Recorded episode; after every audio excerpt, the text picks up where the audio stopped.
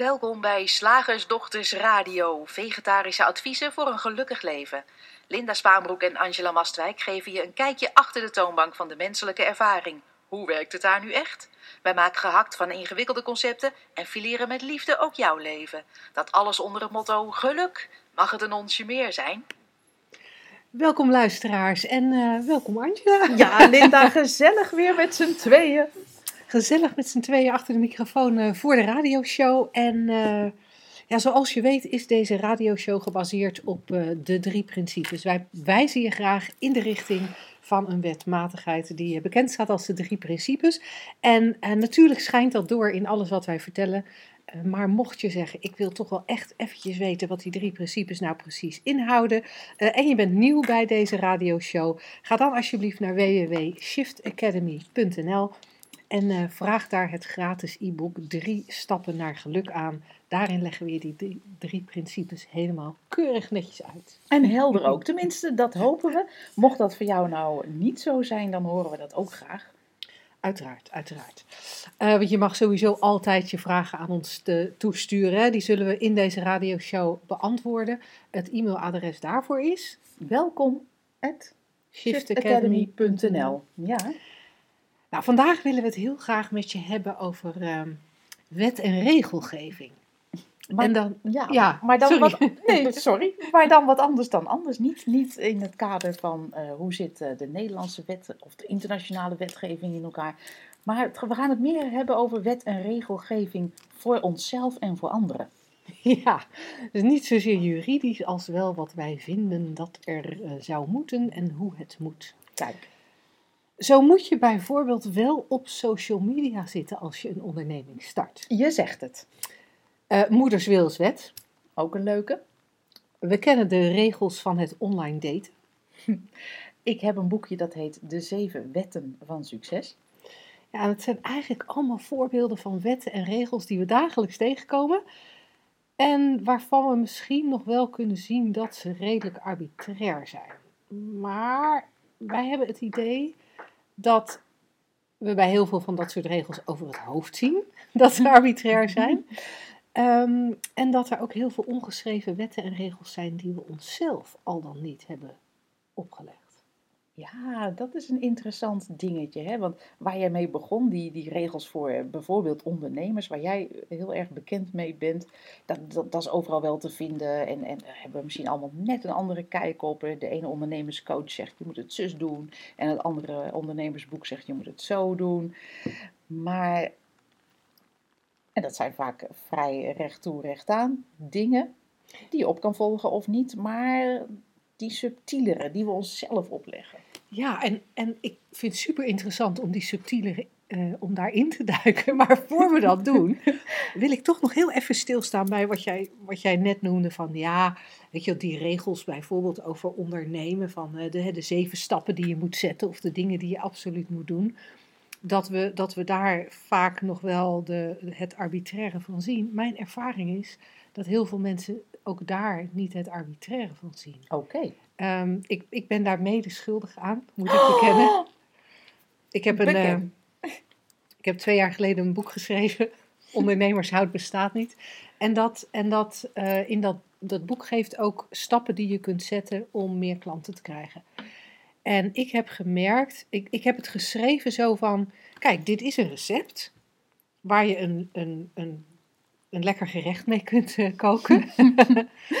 maar het kan natuurlijk ook anders. Maar dit is het recept wat ik gevolgd heb en waarvan ik gemerkt heb dat het, dat het iets lekkers oplevert. In dit geval ja, een onderneming met, uh, met een omzet waar je van kunt leven of, of meer.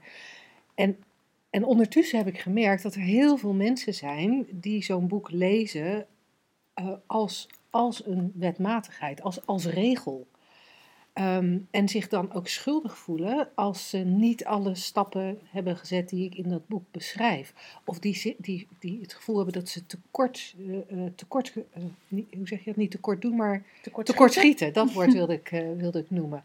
En dat is natuurlijk wel, dat vind ik heel frappant. En ik denk als we dat als, als, als we mensen dat doen op het gebied van ondernemen, ben ik toch een beetje bang dat we ook de zeven wetten van succes of de zeven wetten van het, eh, of de 22 wetten van het online daten, dat we die,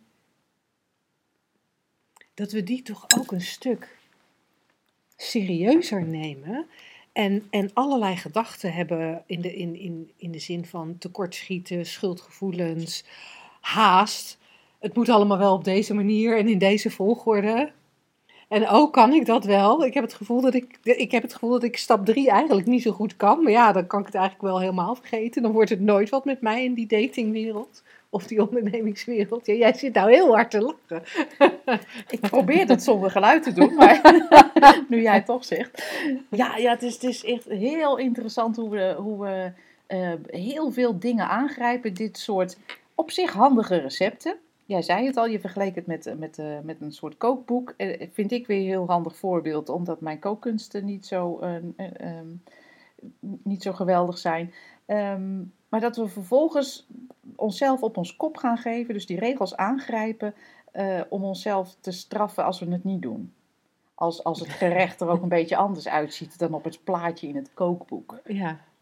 Ja. Beetje jammer. Ja. Ja. ja, en het smaakt eigenlijk best lekker. Ja. Ja, het ziet er niet hetzelfde uit. Nee, Linda zei oh, dat, dat er een kersje op moest. En dat, dat is niet gelukt. Dus eigenlijk schiet ik hier weer tekort. Net als op alle andere vlakken van mijn leven. Waarin ik die regels ook al zo serieus neem. En maar er niet aan kan voldoen. Ja, nou ja, je hoort al, voordat je het weet... Voordat je het weet, praat je jezelf echt ernstig de put in. En dan hebben we het nog over de stappen die ons voorgeschoteld worden, waarvan Angela denkt dat we daar wel van kunnen zien dat die arbitrair zijn. Maar er is meer te zien, dames en heren. Nou, is het bij die, bij die in jouw ogen arbitraire uh, regel, of wet, wetmatigheden, stappen en regels al lastig om te zien voor, uh, voor de meeste van ons. Maar dan heb je dus inderdaad ook nog dat laagje ja, wat, wat we niet zo makkelijk herkennen. En ik ben voor mezelf gaan zien, elke keer als ik denk of zeg, ja, je moet natuurlijk wel, dan weet ik al, ho, ho, ho, ik heb hier voor mezelf een wet of een regel gemaakt, maar is die wel waar of zo? Ja. Ik, ik, ga al twijfelen aan mijn zelf opgelegde dingen. Ik sprak gisteravond iemand die wilde, die, die was er al een tijdje van overtuigd. Nou, ik, die, die, baan die ik nu heb, die ga ik verlaten. Ik ga iets anders doen wat ik, wat, wat ik leuker vind. En vervolgens waren er allerlei wetten en regels bedacht in, in de persoon zelf. Maar ja, ik kan natuurlijk niet voor die en die tijd, want dan hebben mijn collega's het moeilijk. Ik, kan natuurlijk, uh, ik moet natuurlijk wel uh, op die en die manier, want, want anders dan lukt het niet om. En als ik daar dan zo naar luister, denk ik van ja, het klinkt allemaal heel plausibel, hè?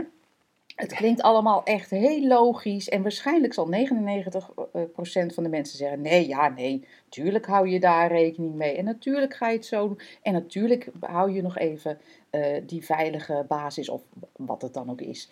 Um, maar ik, ik, merk meer en meer dat het echt allemaal verzonnen is. Het is echt allemaal verzonnen. Het maar, is volkomen bedacht. Maar op de een of andere manier zitten daar, zitten er een aantal dingen overtuigingen of hoe ze dan ook noemen, wetten en regels, zitten zo in ons systeem dat ik toevallig vlak voor, dat, voor deze radio-uitzending had ik een gesprek met de vader van mijn kinderen. Toen dacht ik, nou ja, ik had, ik, ik had toch mijn, mijn, mijn wetboek erbij gepakt en dingen naar hem uitgesproken voordat ik doorhad dat het mijn wetboek was. Omdat ik, ja, omdat ik, omdat ik een wetje in mijn hoofd heb dat je op financieel gebied allebei je kinderen exact hetzelfde hoort te behandelen. En dat doet hij op dit moment niet. Nou. En dat, dat hoorde ik. Krijgt hij een boete? Nou ja, het, het, hij kreeg een berichtspin. en, en, en, en het was er nog niet uit. of ik dacht, shit man, ik heb hier gewoon een regel bedacht. En ik zit nu mijn regel gewoon op te leggen aan mijn ex-echtgenoot. Dat zou ik ook gewoon niet kunnen doen. Ja, dat zou kunnen. En het is, ja, het is echt een, een sluipend dingetje hoor. Ik, ik zie het mezelf ook wel doen. Ik heb zo gauw niet een concreet voorbeeld. Concrete voorbeelden heb ik meer van mezelf. Dus wat, de regels die ik mezelf opleg. Nee, maar je moet natuurlijk wel uh, een beetje fit blijven. Of Ja. zo. Het klinkt heel logisch en waarschijnlijk zal iedereen het met me eens zijn. Nee, nee, natuurlijk moet je wel een beetje fit blijven.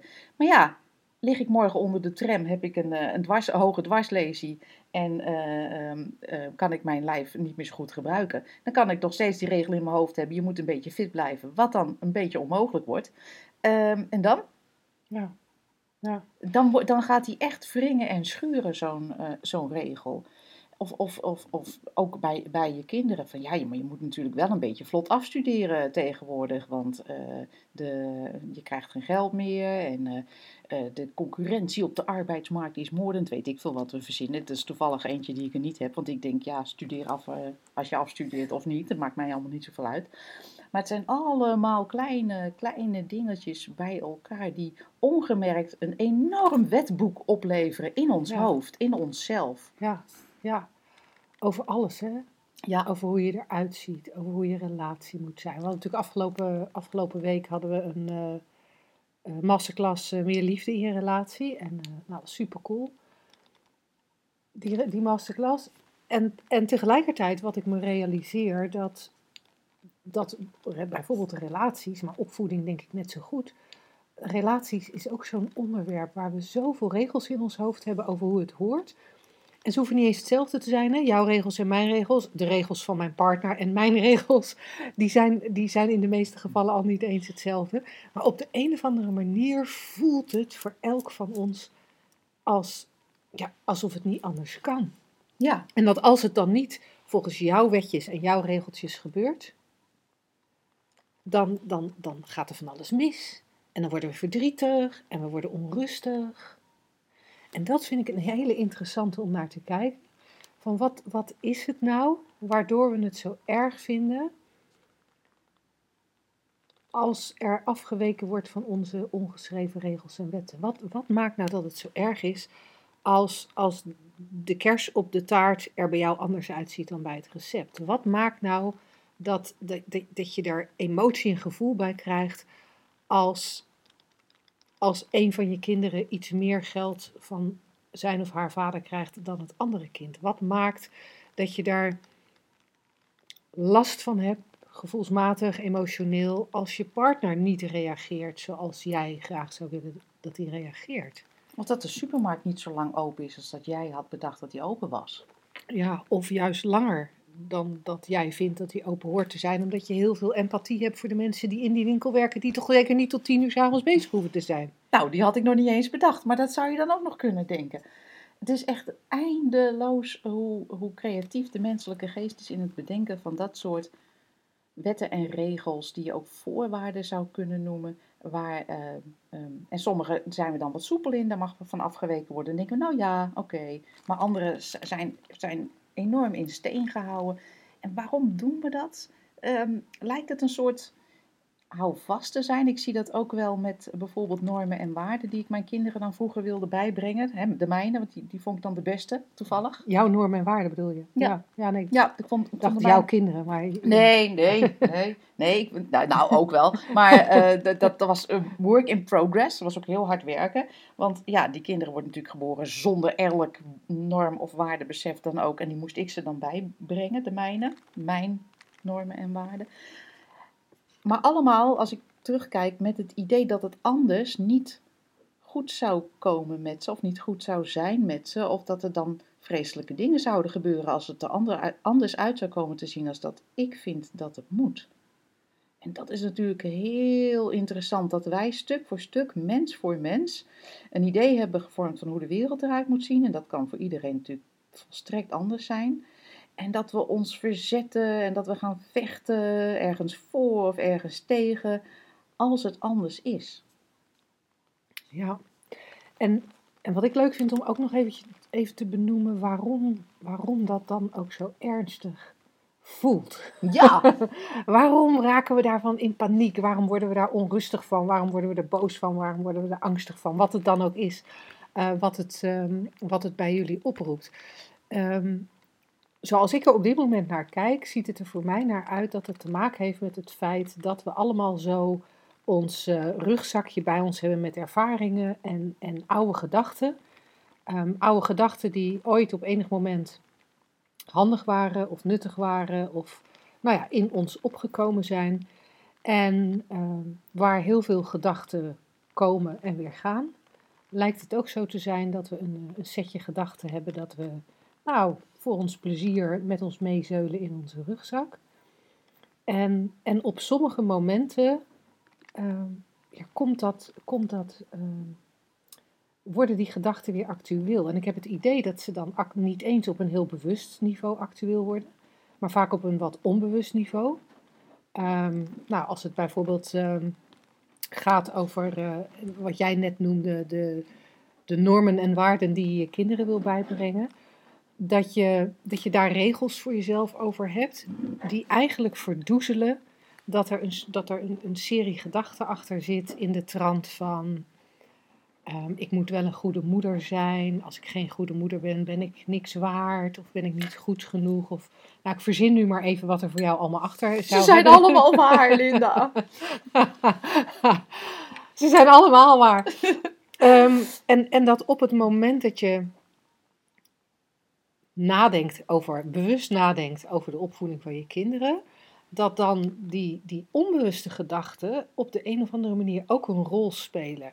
En we weten inmiddels ook hè, dat, dat gedachten altijd met, een, met, met geur, kleur en smaak komen. Je bewustzijn geeft daar een gevoel aan. En dat gevoel of die emotie, net, welk woord jou het meest past, door- doordat er gevoel of emotie bij komt, lijkt het urgenter te worden wat je denkt. Ja, en we verbinden het aan iets aan de buitenwereld, aan iets wat we waarnemen. Een kind wat iets doet wat buiten jouw bedachte wetten en normen valt. Of een, of een, een, een, eh, een, een ex-man die iets doet wat buiten jouw bedachte waarden en normen valt. En ja, en we verbinden het daaraan in plaats van dat we ons realiseren: Goh, ik heb hier een gevoeletje. Hij voelt niet fijn, ik zal hier wel iets geloven. Ja. Ja. Eh, de- nee, we verbinden het wat aan de buitenwereld en vervolgens gaan we daar eh eh, tegenin. We gaan dat kind kneden, straffen. We gaan die, die ex-man berispen. Of we gaan, wat was mijn derde voorbeeld? Ik weet het niet meer. Of, of, of we gaan op een andere manier iets aan de buitenwereld knutselen. Maar het is zo verlichtend, zou ik bijna willen zeggen, om te zien: oh, wacht even. Oh, ik heb mezelf hier een wet opgelegd. Of ik heb de, de- het leven een wet opgelegd. Ik heb hier een regel eh, bedacht. En ehm, die voel ik nu. Ja. ja, die voel ik en daar hoef ik niet per se iets mee. Sterker nog, je Nee. hoeft er eigenlijk helemaal niks mee. Nee, gewoon een beetje voelen. Klaar. Cool. Nou, mooi.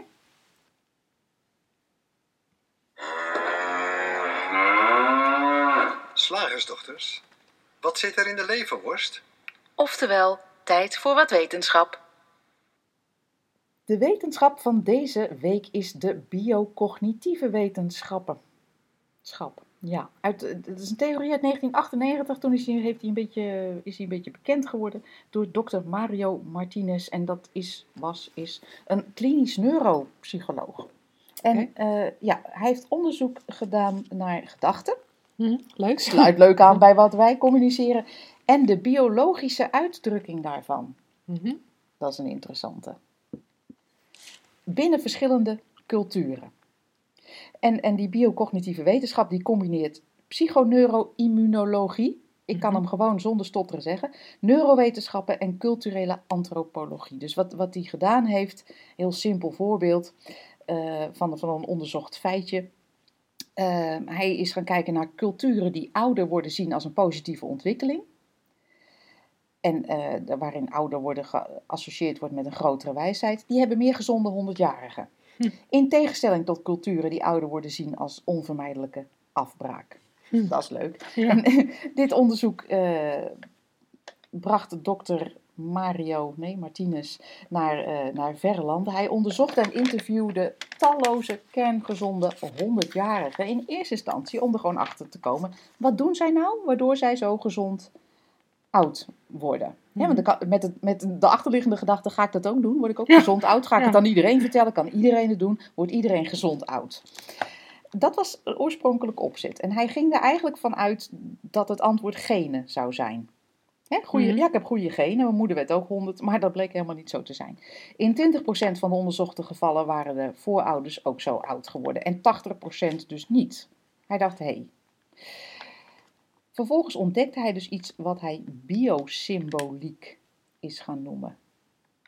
Oké, nieuw woordje. Nieuw woordje. We gooien hem er gewoon in. En eh, de, de, de korte omschrijving daarvan is gedachten beïnvloeden je immuunsysteem. En die gedachten, zegt dokter Martinez, krijgen we aangereikt door onze opvoeders en de cultuur waarin we leven. Dat is eigenlijk die, die, die onbewuste eh gedachten die jij, waar jij het net Mhm. over had. Eh, ook van de dokters die daar binnen werken en die we geloven. En ehm, dus, dus die biosymbolen zijn de dingen die we geloven. En associaties die normaal zijn. Ik zit hier met, met aanhalingstekens te maken met mijn, met, met mijn handen in de lucht. Dat, is voor, dat zeg ik er maar even bij. Die dus normaal zijn in de cultuur waarin we ons bewegen. En die zijn heel krachtig. Als je dus geleerd hebt dat de dokter alwetend is en hij vertelt, vertelt je dat je ongeneeslijk ziek bent, zegt dokter Martinez, is de kans groot dat je ook echt doodgaat. Hm. Hmm, interessant. En een leuke anekdote die eh, in het onderzoek genoemd werd, was eh, van een katholiek ziekenhuis, waarin men dus heel erg eh, nou ja, een bepaald geloof aanhangt, het katholieke geloof. En daarin is het gebruikelijk dat als je laatste dag of zo is aangebroken, is een beetje moeilijk in te schatten natuurlijk, maar dan krijg je het heilige Ja, de laatste, ik dacht de laatste De la- sacrament Wat jij zegt, dat zijn ze. Ik kon niet op het woord komen, dank je. Krijg je de laatste sacramenten toegediend. En dat was het geval ook bij meneer X. Eh, de priester werd erbij geroepen, alleen de priester ging eh, eh, het verkeerde kamertje binnen en gaf die heilige sacramenten aan meneer Y. Meneer Y eh, overleed vervolgens. En Die deed wat er van hem verwacht werd. ja, oh, laatste sacramenten. Zal op mijn tijd wel zijn. Hij ging. Meneer X bleef gewoon leven. Totdat, die, totdat de vergissing werd ontdekt. Meneer X ook de laatste sacramenten kreeg en ook overleed. Ja, dat is natuurlijk eh, het nocebo-effect, waar we het eerder al eh, over hadden. Nou, dokter Martinez heeft geconcludeerd dat wij als mens geen machines zijn die ouder worden en vervallen. Hij zegt, ons lichaam is een gesloten systeem dat onafhankelijk van wat er in de omgeving gebeurt, zichzelf organiseert en steeds opnieuw creëert, maar wel gebaseerd op wat wij denken te weten, cultureel bepaald. Hij geeft als voorbeeld de lever, hè, alle cellen worden vervangen elke zes weken. Dat is een volkomen Mhm. automatisch proces. Elke zes weken heb je een nieuwe lever en elk anderhalf jaar is 99% van je hele lichaam vervangen door nieuwe cellen. Maar wat blijft, zijn de neuronen. Oké. Kijk, dus je eigenlijk luistert, luistert eh, je lichaam, die, die continu in verandering is, continu nieuwe cellen eh, aanmaakt, vervangt. Mhm. Maar wat blijft zijn die neuronen die jouw identiteit bewaren, die jouw culturele overtuigingen bewaren. En dat bepaalt hoe dat lichaam zich dus eh, ehm, eh, vormt. Ja, hij zegt dat we ouder worden is onvermijdelijk. We zitten in de tijd als mens, maar hoe is dus heel erg afhankelijk van je culturele overtuigingen. Er is op Harvard eh, in dat kader ook nog een heel leuk onderzoek gedaan. Er werd een groep eh, mensen onderzocht die er veel jonger uitzagen dan ze waren, hè, volgens nou ja, een beetje arbitraire normen, maar waarvan mensen zeiden, goh, ben je al zo oud? En een, een groep mensen die er ouder uitzagen dan ze in werkelijkheid waren. En er werden eerst allerlei andere biologische factoren uitgesloten. En eh, vervolgens ging men kijken wat het verschil was. En eh, de groep die er jonger uitzag, die geloofde dat de middelbare leeftijd 15 jaar later begon dan de groep die er ouder uitzag. Dus van de mensen die, die er jong uitzagen, werd gevraagd van, goh, wanneer begint de middelbare leeftijd? Nou, zeiden ze een jaar of 60. En, en aan de groep die er ouder uitzag, vroegen ze, hoe, eh, laat, hoe, wanneer begint de middelbare leeftijd? Nou, een jaar of 40. Heel apart. Ik had nooit over middelbare leeftijd nagedacht totdat iemand ons aankondigde als ja! twee dames van middelbare leeftijd. Ik zat ook echt helemaal in verwarring naar dat Waar heeft hij het over? naar het scherm te kijken van, eh, maar dit gaat over ons, hè? Wij zijn Linda en Angela. Wat, ze- wat zegt hij nou? Komen die hierna of waren die hiervoor? Bleek het toch over ons te gaan. ja, dokter Martinez heeft, heeft geconcludeerd dat wat jouw cultuur gelooft, en het is even natuurlijk wel de vraag, geloof jij dat dan ook, over verschillende stadia wordt wat je beleeft en hoe je eruit ziet. En ehm, als een individu heel anders gaat denken, wordt hij heel snel teruggefloten ook binnen zo'n eh, cultuur. Hey, hey, hey, je bent wel van middelbare leeftijd, hè? Ja. Hij zegt ook, het is een soort vissenkom-effect. Hè? Die kom is de cultuur, kom met water. En, ehm, en je moet natuurlijk niet abnormaal worden en uit de, uit de, uit de kom springen. Ehm, ja, ik vond, het, ik vond het heel interessant. Je, maar de conclusie is ook, je hoeft niet te vertrouwen op of afhankelijk zijn van je genen. Hè, wat we in de epigenetica ook, eh, ook zeggen. Die genen, dat, nou ja, die kan je wel hebben, maar of ze aan of uitstaan, dat is echt afhankelijk van wat je denkt. En ehm, ja, wat er zich in jouw, eh, hoe, hoe je lichaam veroudert, want dat is eigenlijk de crux van, van dit eh, aspect van het, van, van eh, hoe heet het, bio-huppelepup. dit aspect is als je, als je doorziet hoe het denken werkt, ook in de cultuur, dan, dan kunnen er dingen anders gaan. En dat is natuurlijk een, een hele mooie. Ik moet ook denken aan wat, wat mijn mentor altijd tegen mij zei. Als ik weer eens aankwam met: Ja, maar eh, je ziet toch wel dat. Of eh, maar het is toch onderzocht dat. Dan zei ze: Ja, dat is waar voor de mensen die daarin geloven. en dat, dat, ik denk nog heel vaak terug aan dat zinnetje. Als ik mensen om me heen hoor. Of ook in het kader van wetten en, eh, en regels die we onszelf of anderen opleggen. Van ja, dat is waar voor de mensen die daarin geloven. Dat is waar als ik geloof in die zelf opgelegde wet en regel. En dit onderzoek geeft aan dat het dus zelfs eh, in, in de vorm, in de fysieke vorm, ook grote gevolgen kan hebben van welke wetten en regels je voor jezelf gelooft in het kader van ouder worden in dit geval. Fascinerend. hè? Ja, hè? Maar ik vind het wel heel fijn dat jij en ik ook allebei ons zo verbaasden over het feit dat wij al van middelbare leeftijd waren, zonder dat wij. Dat vind ik ook gewoon niet waar. Nee, ik, nee, nee die wet die, eh, die, die geldt gewoon niet, wat mij betreft. Nee, cool. Supercool onderzoek. Ja, en er zit, eh, ja, er zit zoveel ehm, mogelijkheid in en zoveel inzicht in, in wat we als mens, jij noemde het net die rugzak, wat we als mens ongemerkt, onbewust meedragen aan, aan, eh, aan, aan culturele eh, gedachten, culturele overtuigingen over de meest uiteenlopende onderwerpen. En dat het zelfs zo sterk werkt dat, dat je lijf ernaar luistert. Eh, ik vind het eh intrigerend. Heel intrigerend. Zeg, slagersdochters, hoe pak ik die vegaburger? Over naar de luisteraarsvraag. Nou, we hebben een eh, hele leuke vraag binnengekregen van eh Annemarie. Tenminste, dat is even mijn oordeel, hè? mijn gedachte is dat dit een leuke vraag is. Eh, en Annemarie zegt: ehm, Dag Angela en Linda. Ik luister graag naar jullie podcast en ben blij dat ik jullie ben tegengekomen met de drie principes. Hoe simpel, maar o zo doeltreffend kunnen jullie het brengen. Wat kan het leven simpel zijn? Nou, super. Dankjewel Annemarie voor dat compliment.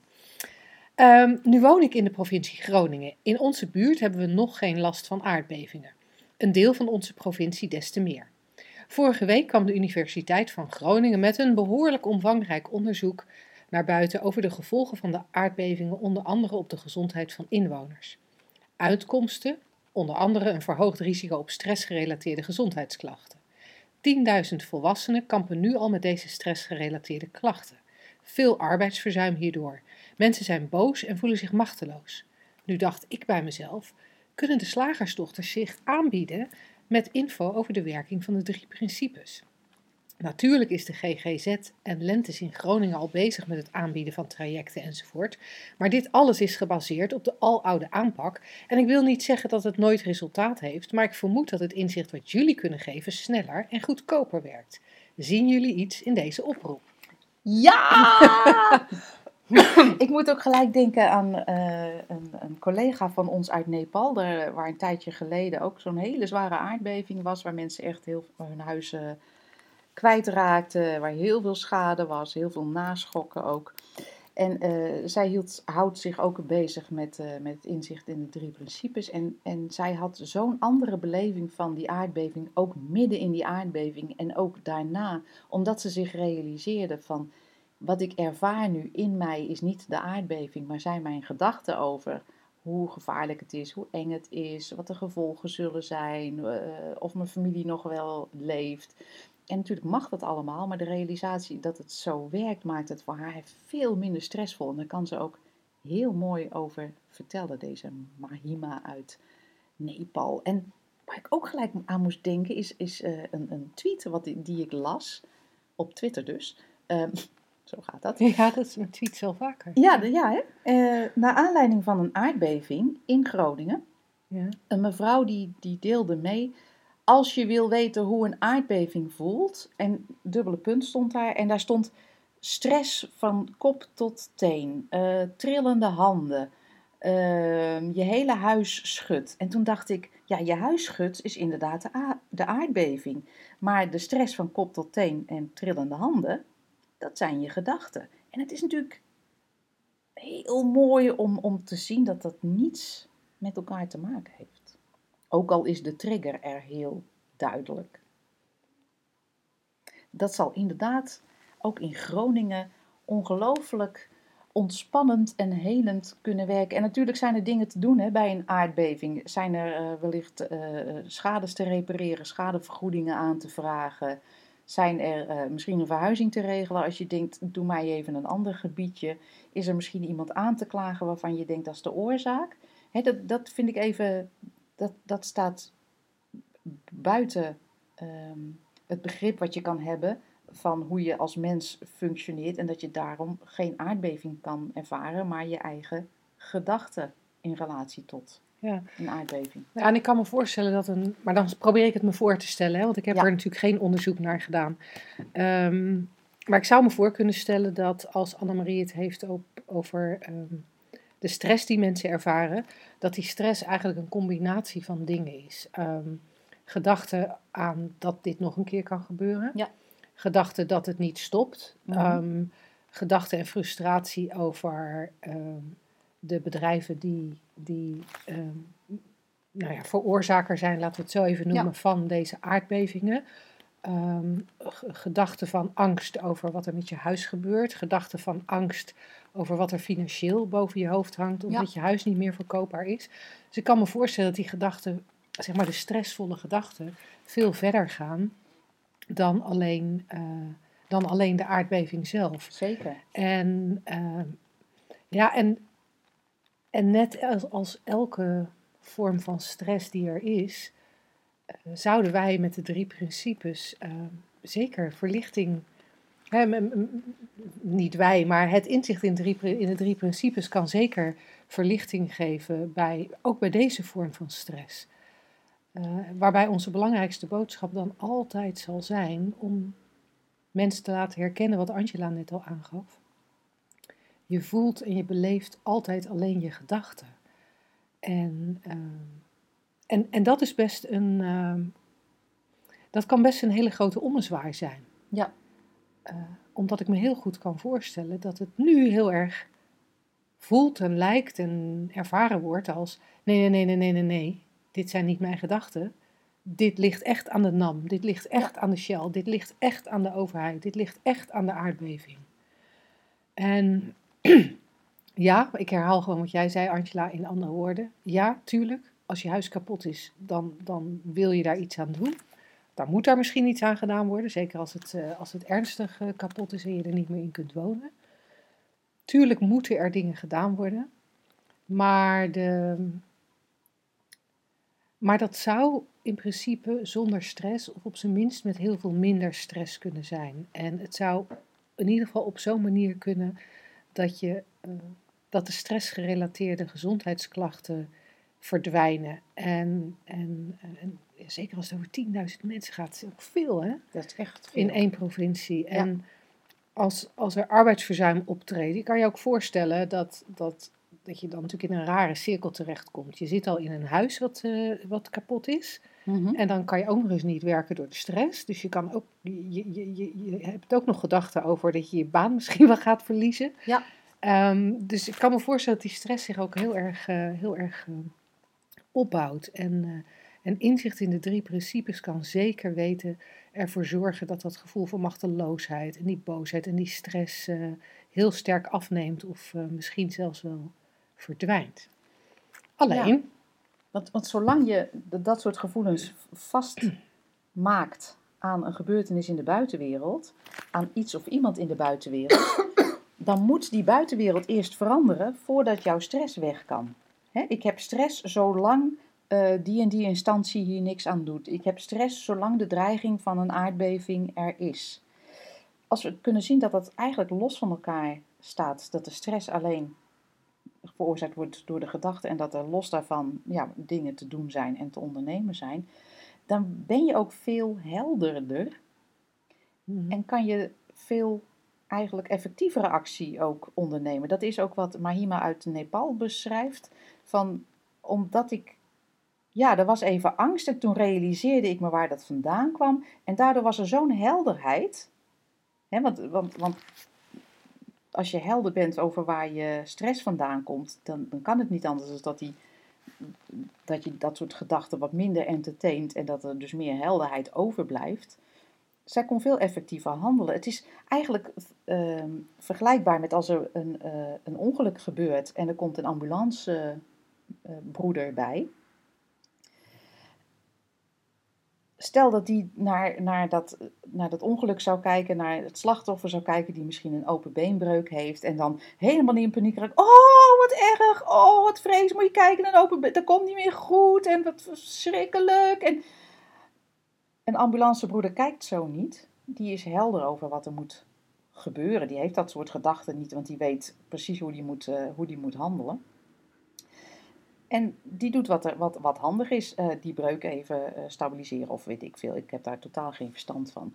Maar in helderheid doe je veel slimmere dingen dan in paniek en stress. En daarom is het zo handig en zo eh, ehm, praktisch ook om inzicht te krijgen in, in de werking van stress. Dat het nooit gerelateerd is aan, aan een gebeurtenis of iets in de buitenwereld of iemand. Maar altijd aan wat je denkt in het moment. Dat kan zoveel helderheid op, opleveren dat je veel ehm, ja, makkelijker de dingen onderneemt die er te ondernemen zijn. Want, want dat ontkennen we natuurlijk niet. Er is iets gebeurd met je huis als je in een aardbevingsgebied zit. Dus, dus, dus is er actie te ondernemen, wil, wil dat nog veilig blijven. Er is een, ehm, weet ik veel, het komt door gasboringen. Hè?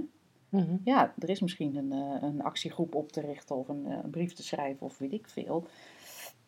Maar in veel meer helderheid kan dat dan wanneer je blijft denken over. En, die overheid maar, en die instanties maar, en oh wat is het eng. En, en wat, dat, Ja. dan ben je niet helder. Dan ben je Nee. als een eh, ambulancebroeder die, die maar denkt van, oh als dat maar goed komt met dat been. En hoe is het dan gebroken? En moet je dat bot nou uit zien steken? En oh, Ja, en, en wat er in mijn ogen ook vaak gebeurt als je deze inzichten nog niet hebt en je gaat mee in je gedachten en je gaat mee in de, in de wanhoop van, van het feit dat de buitenwereld iets, jou iets aandoet en dat jou- jouw gevoel en jouw stress daar vandaan komt, dan ehm, wat, wat er in mijn ogen ook gebeurt is dat je gemoedstoestand of je state of mind daalt over, over een bepaalde periode. En voor mij ziet het eruit dat je in een lagere gemoedstoestand, of die lagere state of mind, net hoe je het wil noemen, de kwaliteit van je gedachten ook minder, ja, minder goed wordt. ja, Ehm, eh, in ieder geval minder fijn, minder fraai. Ehm, dat het veel makkelijker is in een lagere gemoedstoestand om enorme hoeveelheden ellende te verzinnen die mogelijk zou kunnen gebeuren. mhm. Eh, ook hier geldt dan weer, hè, je, je, je denkt eh, met een lagere gemoedstoestand negatievere gedachten. Je bewustzijn komt er weer aan te pas om daar lekker emotie en gevoel aan te geven. Nou, dat bewustzijn, dat, ja, dat, dat, dat spiegelt of projecteert wat, jij, eh, wat de kwaliteit van je gedachten is. Dus er komen ook, er komen ook neg- negatievere emoties en gevoelens aan te pas, waardoor je in een soort negatieve spiraal naar, te- naar beneden gaat, waar je gemoedstoestand lager wordt je gedachten negatiever, je gevoel, je gemoedstoestand lager, je gedachten nog negatiever, je gemoedstoestand nog lager. Nou ja, weet je, het, eh, eh, het, het, het putje is dichtbij, zal ik maar zeggen. ja. En dat is, eh, dat is zonde en dat is zeker te voorkomen. Alleen, Um, uh, Annemarie zegt ook van, zien jullie iets in deze oproep? Natuurlijk zien wij iets in deze oproep. Alleen geen idee, geen idee um, hoe in beeld te komen uh, bij de instanties die, uh, uh, die dit regelen voor mensen die die stressklachten hebben. Geen idee hoe in beeld te komen bij de mensen die de stress ervaren.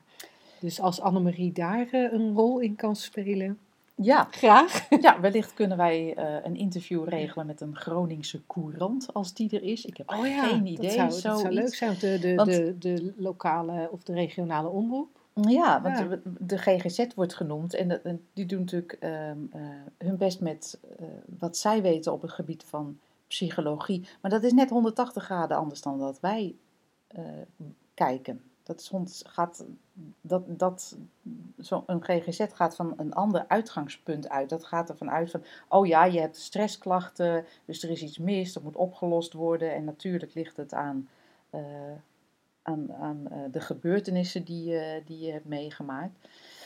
Uh, dus als wij daar aankomen met van nee, het is 180 graden andersom, dat past misschien niet zo binnen het concept wat GGZ uh, hanteert. We hebben wel eerder al contact gehad met verschillende, met, met, met een GGZ-instelling.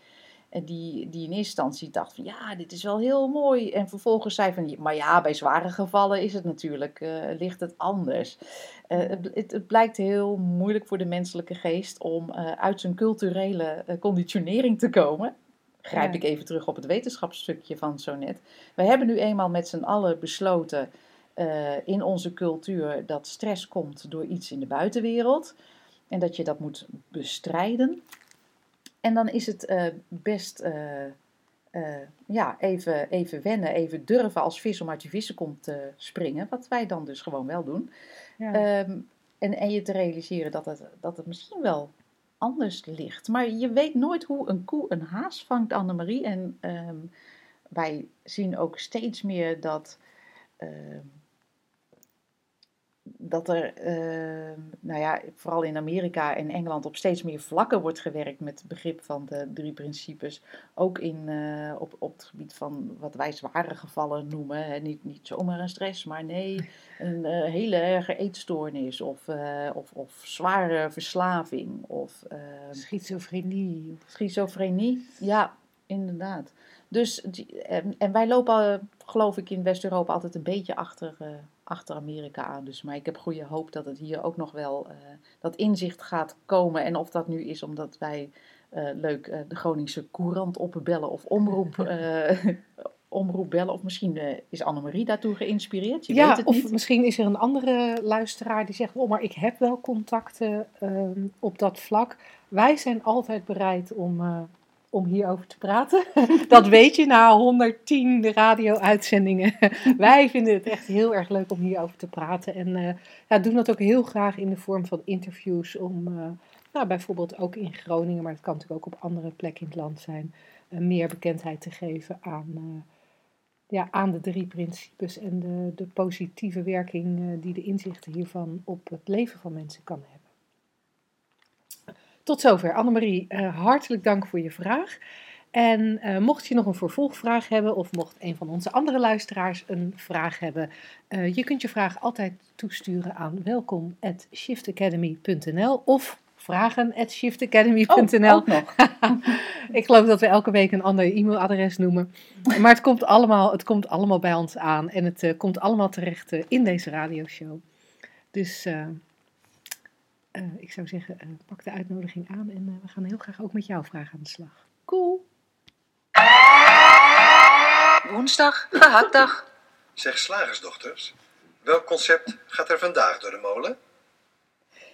Wij hebben weer een concept en ik vind het zo'n leuke. Uh, wij hadden bedacht dat wij vandaag het concept daar is veel moed voor nodig in de gehaktmolen gingen gooien. Daar is veel moed voor nodig. Dat hoor je best vaak. Mensen die ontslag nemen bijvoorbeeld, is een vrij actueel dingetje. Mensen die voor zichzelf beginnen, die een droom navolgen, die hun huis verkopen en in een camper gaan wonen.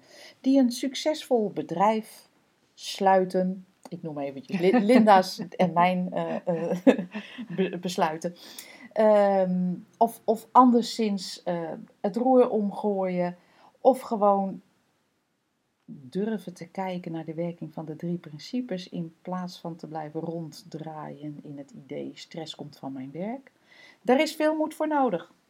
Ja, zeggen mensen. Hè? Ja, dat zeggen we. En ik geloof eigenlijk helemaal niet in het concept moed. Nee. Want moed is eigenlijk niks anders dan heel veel angstige gedachten hebben en het toch doen. Feel the fear and do it anyway. Uh, of, of het kan zelfs nog zijn dat jij de angstige gedachten helemaal niet hebt, maar de mensen om jou heen de angstige gedachten voor jou hebben. Oh ja. En dan jou het, het, het, het uh, label moedig geven, terwijl jij zelf het gewoon maar doet. Mm. En uh, als, ik kijk, als ik kijk dan naar mijn eigen move van het afgelopen jaar, waarin ik dan dat succesvolle bedrijf heb gesloten, omdat ik Shift Academy leuker vond. Um, ik, ik ben op momenten best wel, dat ik best wel angstige gedachten had. Dat ik gedachten had over, ja, wat gaat dit betekenen voor mijn inkomen? Kan ik straks de hypotheek nog wel betalen? Um, er zijn ook momenten geweest dat ik dacht, ja, misschien mislukt dat Shift Academy wel helemaal. en... Uh, is Angela helemaal niet zo leuk om mee samen te werken? Nee. Dat had, ja, dat kan natuurlijk nog steeds, hè. um, en dus, dus ik had wel gedachten. En, en dat waren inderdaad angstige gedachten. Maar tegelijkertijd heb ik gemerkt dat door dat te doorzien, door te doorzien, ja, het zijn angstige gedachten. Ja, af en toe krijg ik daar een nerveus gevoel van, of krijg ik er een angstig gevoel van, of nou ja, wat het, het gevoel in het moment ook is. Maar door te doorzien dat dat is hoe het werkt.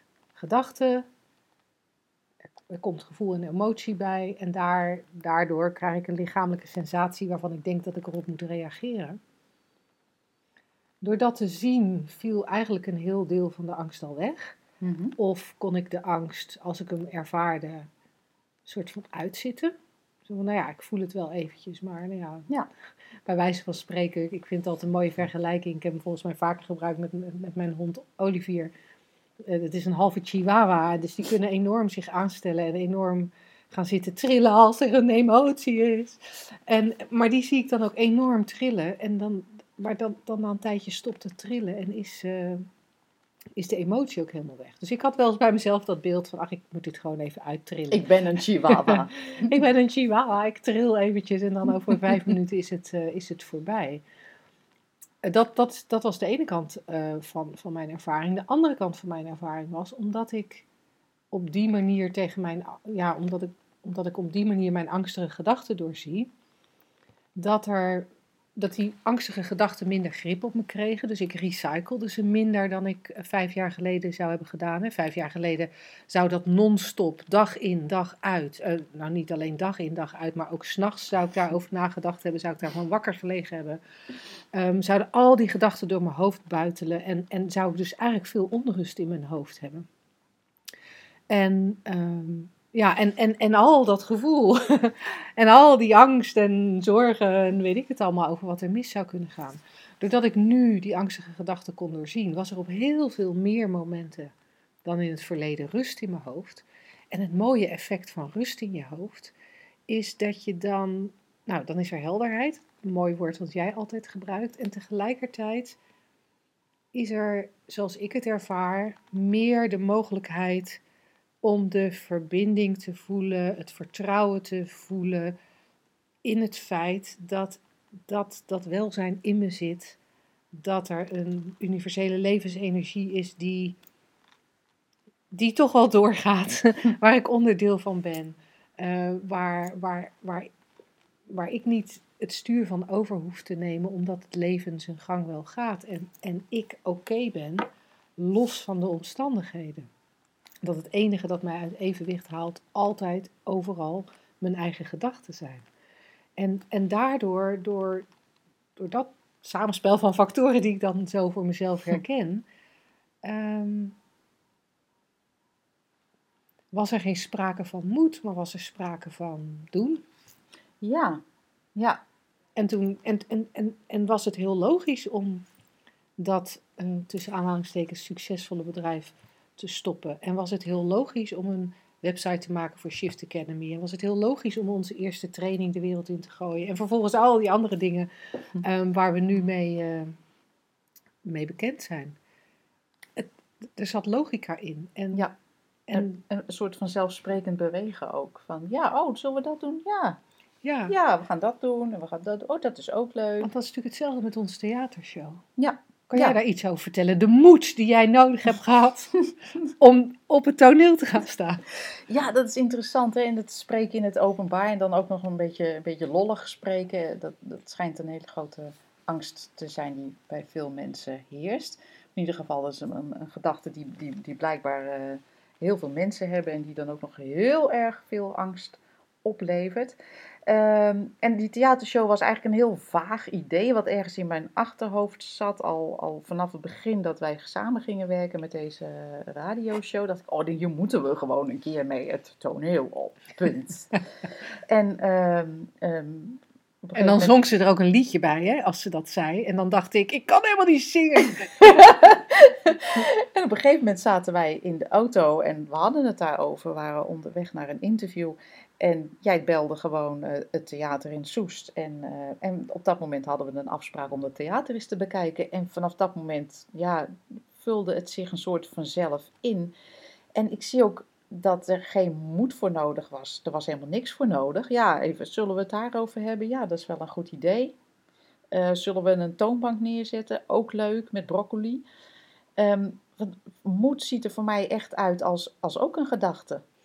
Ja, en als ik kijk naar die theatershow, dan was het, was het vooral het ontbreken van gedachten Ja, over gedachten in de trant van wat er allemaal mis zou kunnen gaan. Ja. Gedachten over wat mensen van ons zouden denken. hoeveel eh, kaartjes er verkocht zouden worden. Of, of, of we boegeroep zouden krijgen aan het eind van, het, eh, van die anderhalf uur. voor een lege zaal zouden staan. Kan ook. Al die gedachten ontbraken. En als ze alles voorbij kwamen, want in mijn hoofd zijn elk van deze gedachten wel op enig moment even opgekomen. Maar ja, dan bleef ze ongeveer twee tienden van een seconde hangen. En dan, dan, dan krijgt zo'n gedachte ook niet de kans Nee. om, om angst op te roepen. Nee, omdat jij, zoals jij net ook al heel terecht zei, van als je je realiseert dat je welzijn altijd aanwezig is en niet afhankelijk van of een zaal wel of niet vol zit, niet afhankelijk is of de mensen je leuk vinden of niet, niet afhankelijk is van of je applaus krijgt of niet, ehm, eh, dat, dat alles, ja, dan heb je helemaal geen moed meer nodig. En eigenlijk heb je niks nodig, behalve inzicht in de werking van de menselijke ervaring. Ja, weet je, je speelt in zo'n, in zo'n aardepakje en eh, je, je welzijn is gegarandeerd. Echt, echt, je bent home free. Hoe noem je dat? dat? Dat is gegarandeerd. Veel plezier. En dan denk ik, ja, waar heb je dan nog moed voor nodig? Is alleen maar als je dat soort gedachten entertaint en gelooft en verbindt aan iets in de buitenwereld. Maar anders is er gewoon bewegen in het aardepakje. eh, geïnspireerd. Oh, leuk. Gaan we doen.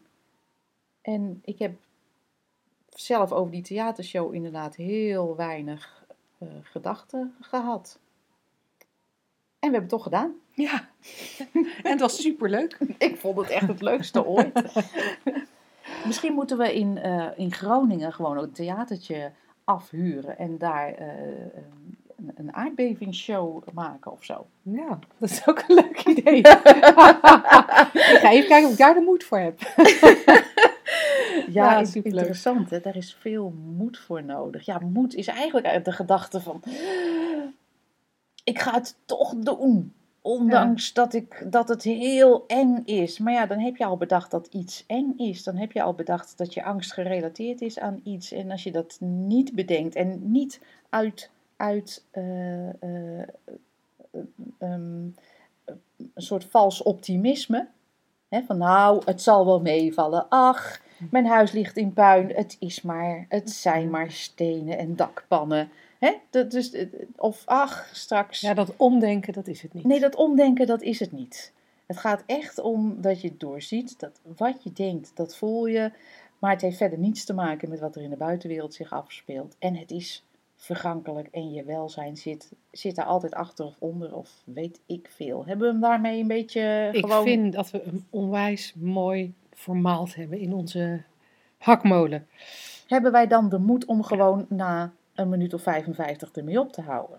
Nou, dat hebben we wel, maar ik wil graag heel even nog iets zeggen. Ja, ga je gang. Ehm, wij hebben eh, op Valentijnsdag, op eh 14 februari, doen wij een, een, een webinar. Dus als je het leuk vindt om eh, ons weliswaar online, maar eh, in een soort virtuele classroom met ons te zijn, eh, dan ben je van harte uitgenodigd. Op onze website eh, kun je je inschrijven voor dat intro-webinar. En het is een intro-webinar voor onze driedaagse dieper inzicht. Hè, als je nou al een tijdje naar deze radioshow luistert en je hebt het gevoel, jeetje, dit doet wel echt iets voor me, ik zou eigenlijk wel meer willen. Ja. Nou, dan is onze driedaagse in april daar perfect voor. Eh, maar we kunnen ons voorstellen dat je er even wat meer over wil weten. En, en dat is waarom we dat webinar organiseren. Of een online workshop, net, net hoe je hem wilt noemen. Maar op eh, shiftacademy.nl daarover meer. Leuk, het lijkt me echt, eh, echt weer heel leuk om, om te doen. Om een beetje te, te kletsen hierover. Om te kijken wat die workshop of wat die, wat die driedaagse inhoudt. Want ik kan me voorstellen dat mensen denken van ja, maar ik heb niet echt een probleem. Maar toch maakt die, die eh, inzicht in die drie principes het wel makkelijk op een of andere manier. Maar tell me more. Nou, gaan we doen. Ja, gaan we doen. Hey, heel graag tot dan of tot de volgende radioshow. Doeg! Dag.